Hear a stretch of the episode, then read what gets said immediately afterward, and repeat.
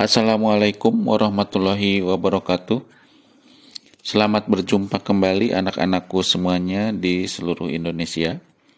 Pada kesempatan kali ini kita akan membahas tentang materi perubahan masyarakat Indonesia pada masa penjajahan dan tumbuhnya semangat kebangsaan. Pada materi ini nanti akan terbagi menjadi tiga bagian, yang pertama adalah kedatangan bangsa Barat. Yang kedua, kondisi masyarakat masa penjajahan. Dan yang ketiga, semangat kebangsaan.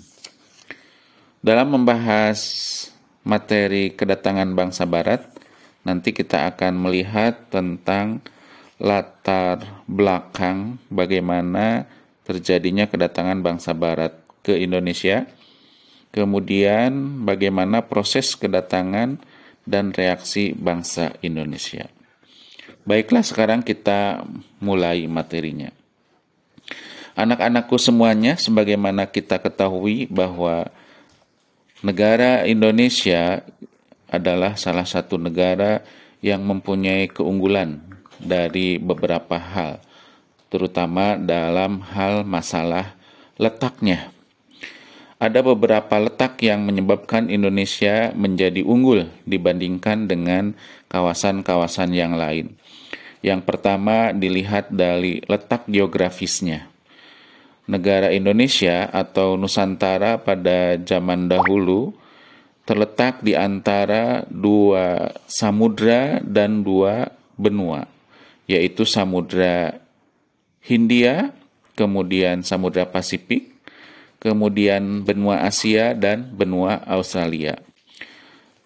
Karena terletak di antara dua samudra dan dua benua tersebut, kawasan Nusantara berada pada posisi silang pelayaran internasional atau pelayaran di antara wilayah-wilayah yang mengelilingi wilayah Nusantara tersebut. Hal ini menyebabkan banyak kedatangan para pedagang atau sodagar ke wilayah Nusantara. Itu dilihat dari letak geografis.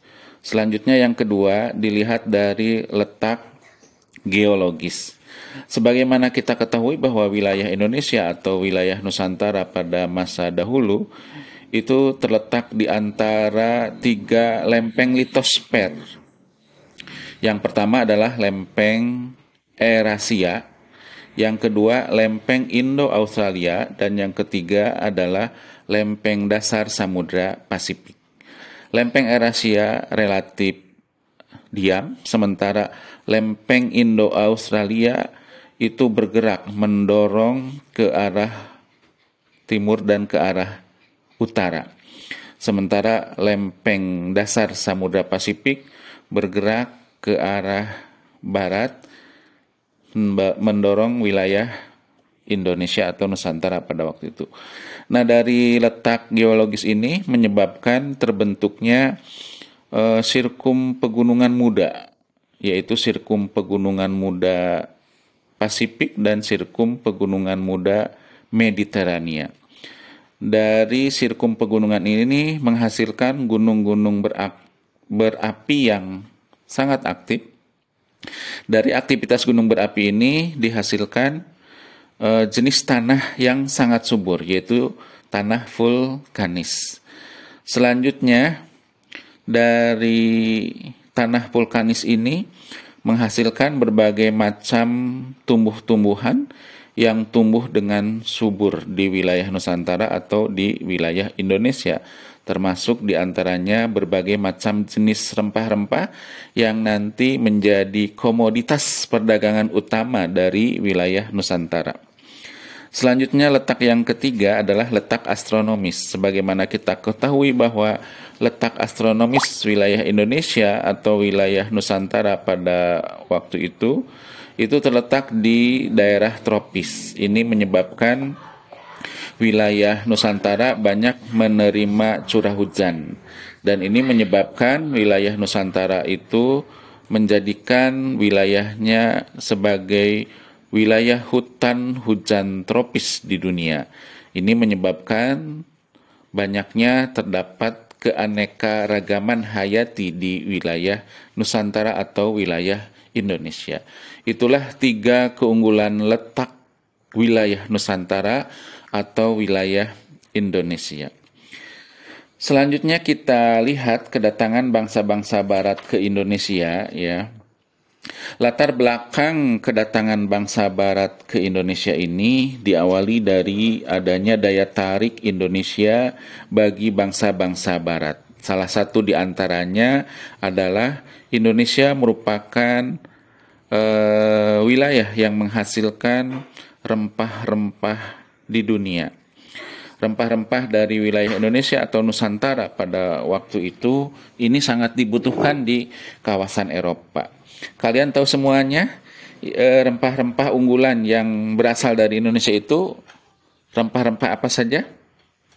Di antaranya ada cengkeh, kemudian ada pala, ada lada, kemudian ada kemiri itu komoditas perdagangan utama dari wilayah Nusantara yang sangat dibutuhkan oleh negara-negara Eropa.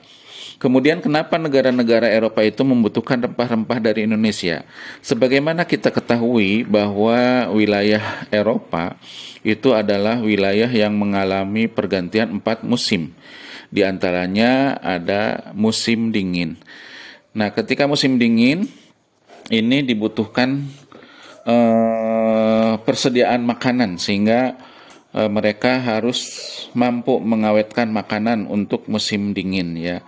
Dan salah satu bahan untuk mengawetkan makanan itu berasal dari rempah-rempah.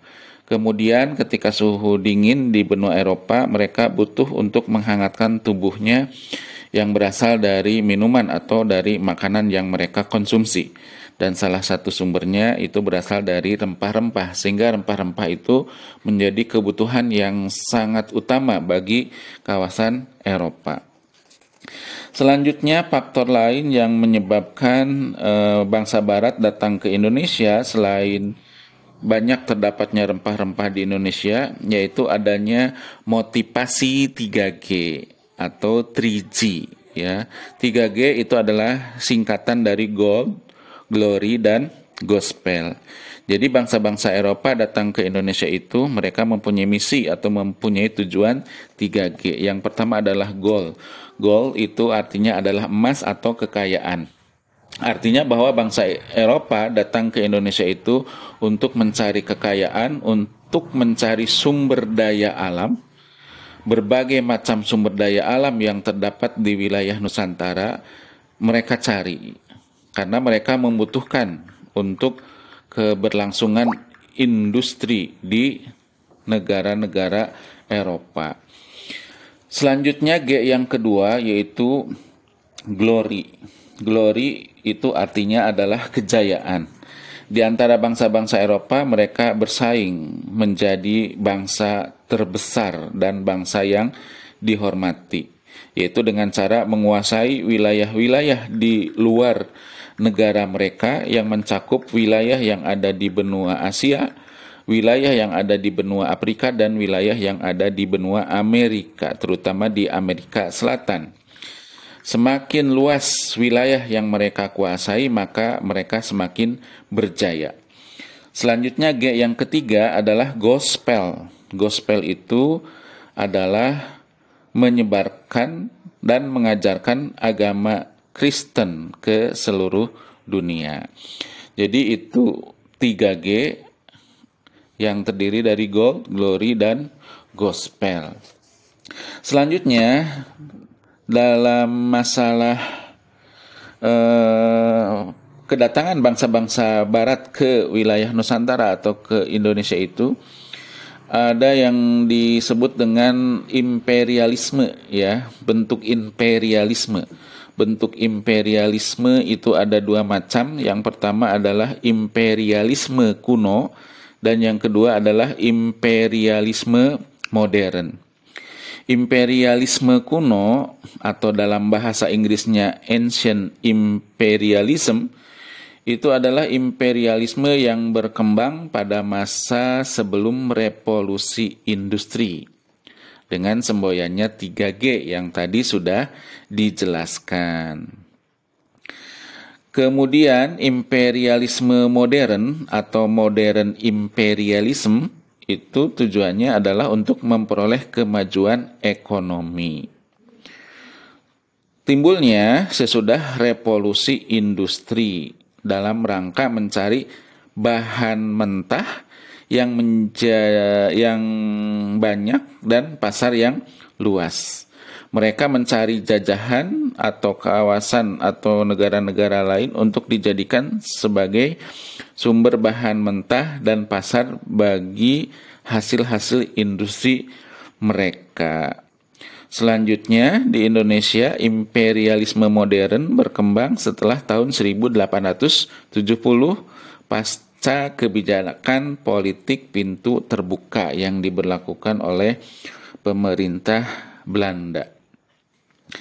Selanjutnya yang ketiga atau C, latar belakang kedatangan bangsa barat ke wilayah Nusantara itu adalah adanya revolusi industri. Sebagaimana kita ketahui, revolusi industri itu terjadi setelah ditemukannya mesin uap oleh James Watt. Setelah ditemukannya mesin uap ini, maka industri-industri di Eropa mereka menggunakan mesin-mesin dalam uh, mengerjakan atau membuat produk-produknya. Yang awalnya sebelum terjadi revolusi industri, industri mereka itu menggunakan tenaga kerja manusia. Setelah ditemukan dan diciptakannya berbagai macam mesin di dalam industri, maka tenaga kerja itu digantikan yang tadinya oleh manusia digantikan oleh mesin-mesin itu revolusi industri. Nah, dengan adanya revolusi industri ini, kebutuhan akan bahan baku semakin besar. Kemudian kebutuhan untuk daerah pemasaran juga semakin banyak. Nah, sehingga dengan alasan revolusi industri mereka mencari daerah-daerah penghasil sumber bahan baku dan mereka juga mencari daerah-daerah pemasaran untuk hasil produksi mereka. Nah, itulah latar belakang kedatangan bangsa Barat ke wilayah Nusantara. Jadi, latar belakangnya yang pertama adalah daya tarik Nusantara atau Indonesia sendiri bagi bangsa Barat, karena wilayah Nusantara itu adalah wilayah yang kaya akan berbagai macam sumber daya alam, di antaranya adalah rempah-rempah Kemudian yang kedua adanya motivasi 3G yaitu gold, glory dan gospel. Mereka datang ke wilayah Nusantara itu untuk mencari sumber daya alam, kemudian untuk e, mencari kejayaan dan yang ketiga mereka sekalian menyebarkan agama Kristen di wilayah Nusantara. Selanjutnya latar belakang yang ketiga yaitu adanya revolusi industri di Eropa yang membutuhkan bahan baku dan pemasaran yang luas bagi produk industrinya. Selanjutnya yang kedua kita lihat kedatangan bangsa barat ke Indonesia. Kedatangan bangsa barat ke Indonesia eh, itu dimulai dengan kedatangan bangsa Portugis ke wilayah Indonesia atau ke wilayah Nusantara. Perjalanan bangsa Portugis mencari sumber rempah-rempah diawali dari kota Lisabon, Portugis. Tahun 1486, Bartolomé Dias melakukan pelayaran pertama menyusuri pantai barat Afrika. Ia bermaksud melakukan pelayaran ke India namun gagal. Portugis mencapai Malaka tahun 1511 di bawah pimpinan Alphonse d'Albuquerque. Ia berhasil menguasai Malaka dan Myanmar. Selanjutnya, Portugis menjalin hubungan dagang dengan Maluku. Tahun 1512, bangsa Portugis telah berhasil sampai di Maluku di bawah pimpinan Antonio de Abreu dan Francisco Serrao. Nah, itu kedatangan bangsa Portugis ke wilayah Nusantara dengan pelopornya adalah Bartolomé Dias. Kemudian disusul oleh Alfonso d'Albuquerque. Dan terakhir dipimpin oleh Antonio di Abru dan Francisco Serau. Tahun dimulainya tahun 1486 dan terakhir tahun 1512. Selanjutnya yang kedua, ekspedisi bangsa Inggris ke wilayah Nusantara. Persekutuan dagang milik Inggris diberi nama EIC, S Indian Company. Di dalamnya bergabung para pengusaha Inggris. Walaupun Inggris tiba di Kepulauan Nusantara, pengaruhnya tidak terlalu banyak seperti halnya Belanda. Hal ini disebabkan EIC terdesak oleh Belanda sehingga Inggris menyingkir ke India atau Asia Selatan dan ke Asia Timur. Selanjutnya yang ketiga atau C kedatangan bangsa Belanda ke Nusantara. Terutama ke Jayakarta atau Jakarta sekarang. Jayakarta merupakan pelabuhan penting di Pulau Jawa yang kemudian menjadi markas POC. Bagaimana proses kedatangan Belanda di Indonesia? Seorang pelaut Belanda, Cornelis de Houtman, memimpin ekspedisi ke Indonesia. Tahun 1595, armada de Hotman mengarungi ujung selatan Afrika. Selanjutnya, terus menuju ke arah timur melewati Samudra Hindia. Tahun, 19, eh, tahun 1596, armada de Hotman tiba di Pelabuhan Banten melalui Selat Sunda. Kedatangan Hotman di Indonesia kemudian disusul ekspedisi ekspedisi lainnya. Dengan banyaknya pedagang Belanda di Indonesia, maka muncullah persaingan di antara mereka sendiri. Untuk mencegah persaingan yang tidak sehat, tahun 1602 didirikan POC atau Perinigde Os Indische Company atau Perserikatan Maskapai Hindia Timur yang merupakan penggabungan dari beberapa perusahaan dagang Belanda. Gubernur Jenderal pertama POC adalah Peter Bott. Ia mendirikan pusat perdagangan POC di Ambon, Maluku. Namun kemudian pusat dagang dipindahkan ke Jayakarta atau Jakarta sekarang karena POC memandang bahwa Jawa lebih strategis sebagai lalu lintas perdagangan. Selain itu, Belanda ingin menyingkirkan saingan mereka yaitu Portugis di Malaka. Pangeran Jayawikarta, penguasa bagian wilayah Banten memberi izin kepada POC untuk mendirikan kantor dagang di Jayakarta. Selain memberikan izin kepada POC, Pangeran Jayawikarta juga memberikan izin pendirian kantor dagang kepada EIC milik Inggris. Kebijakan ini membuat Belanda merasa tidak menyukai Pangeran Jayakarta. Gubernur Jenderal POC Yan Peterson Kun membujuk penguasa penguasa kerajaan Banten untuk memecat Pangeran Jayakarta sekaligus memohon agar izin kantor dagang Inggris EIC dicabut. Tanggal 31 Mei 1619 keinginan POC dikabulkan Raja Banten Momentum inilah yang kemudian menjadi mata rantai kekuasaan POC dan Belanda pada masa berikutnya. POC menikmati kekuasaan dan kelonggaran yang diberikan penguasa Banten. Jayakarta oleh POC diubah namanya menjadi Batavia. POC mendirikan benteng sebagai tempat pertahanan, pusat kantor dagang, dan pemerintahan. Pengaruh ekonomi POC semakin kuat dengan dimilikinya hak monopoli perdagangan. Masa inilah yang membuat sandaran perluasan kekuasaan Belanda pada perjalanan sejarah selanjutnya.